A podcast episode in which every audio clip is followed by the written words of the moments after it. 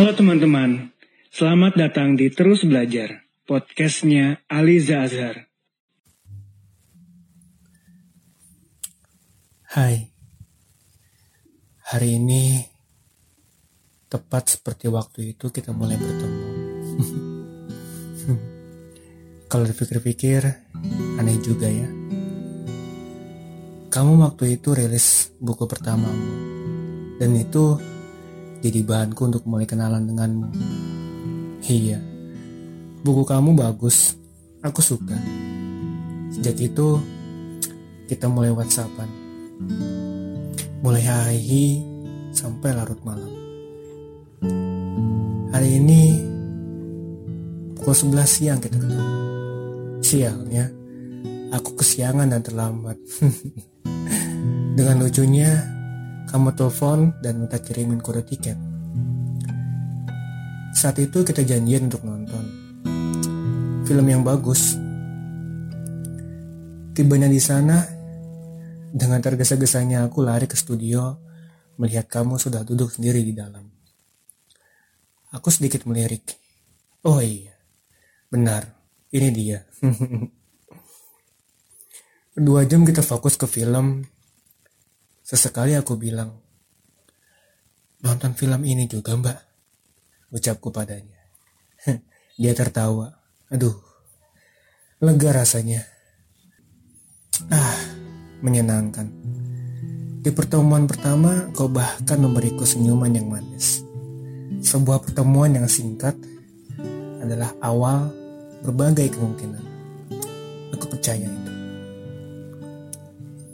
Aku tak ingin lama-lama. Beberapa minggu setelahnya, aku pun bertemu dengan ibumu. Kuungkapkan isi hatiku. Minta izin untuk menjalin hubungan denganmu. Aku cukup kaget ketika ibumu bilang, Iya, silahkan. Wah, gak nyangka, beneran. Begitupun kamu. Yang kamu tahu kan, aku ingin datang ke rumahmu. Itu aja. Di malam yang bahagia itu, aku pun memanggilmu sayang.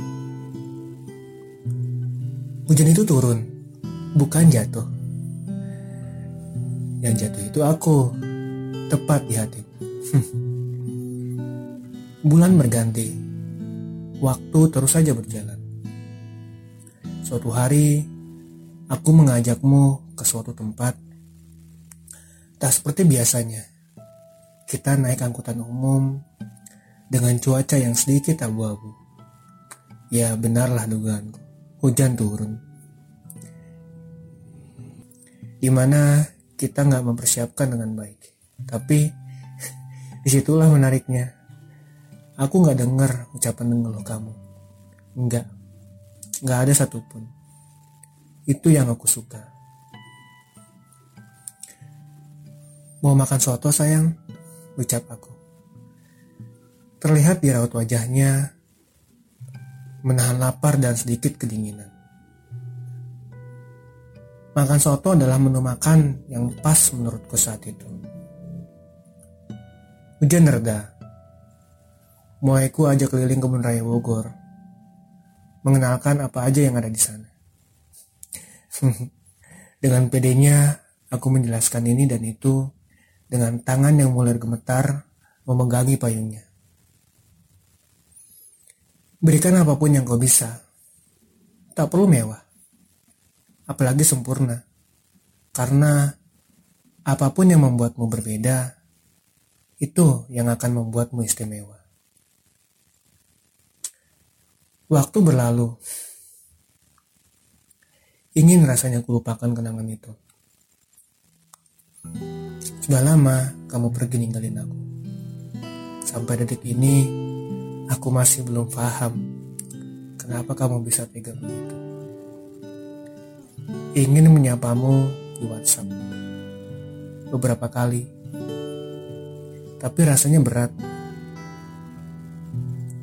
Berkali-kali ku ketik, kamu apa kabar? Lalu aku hapus kembali.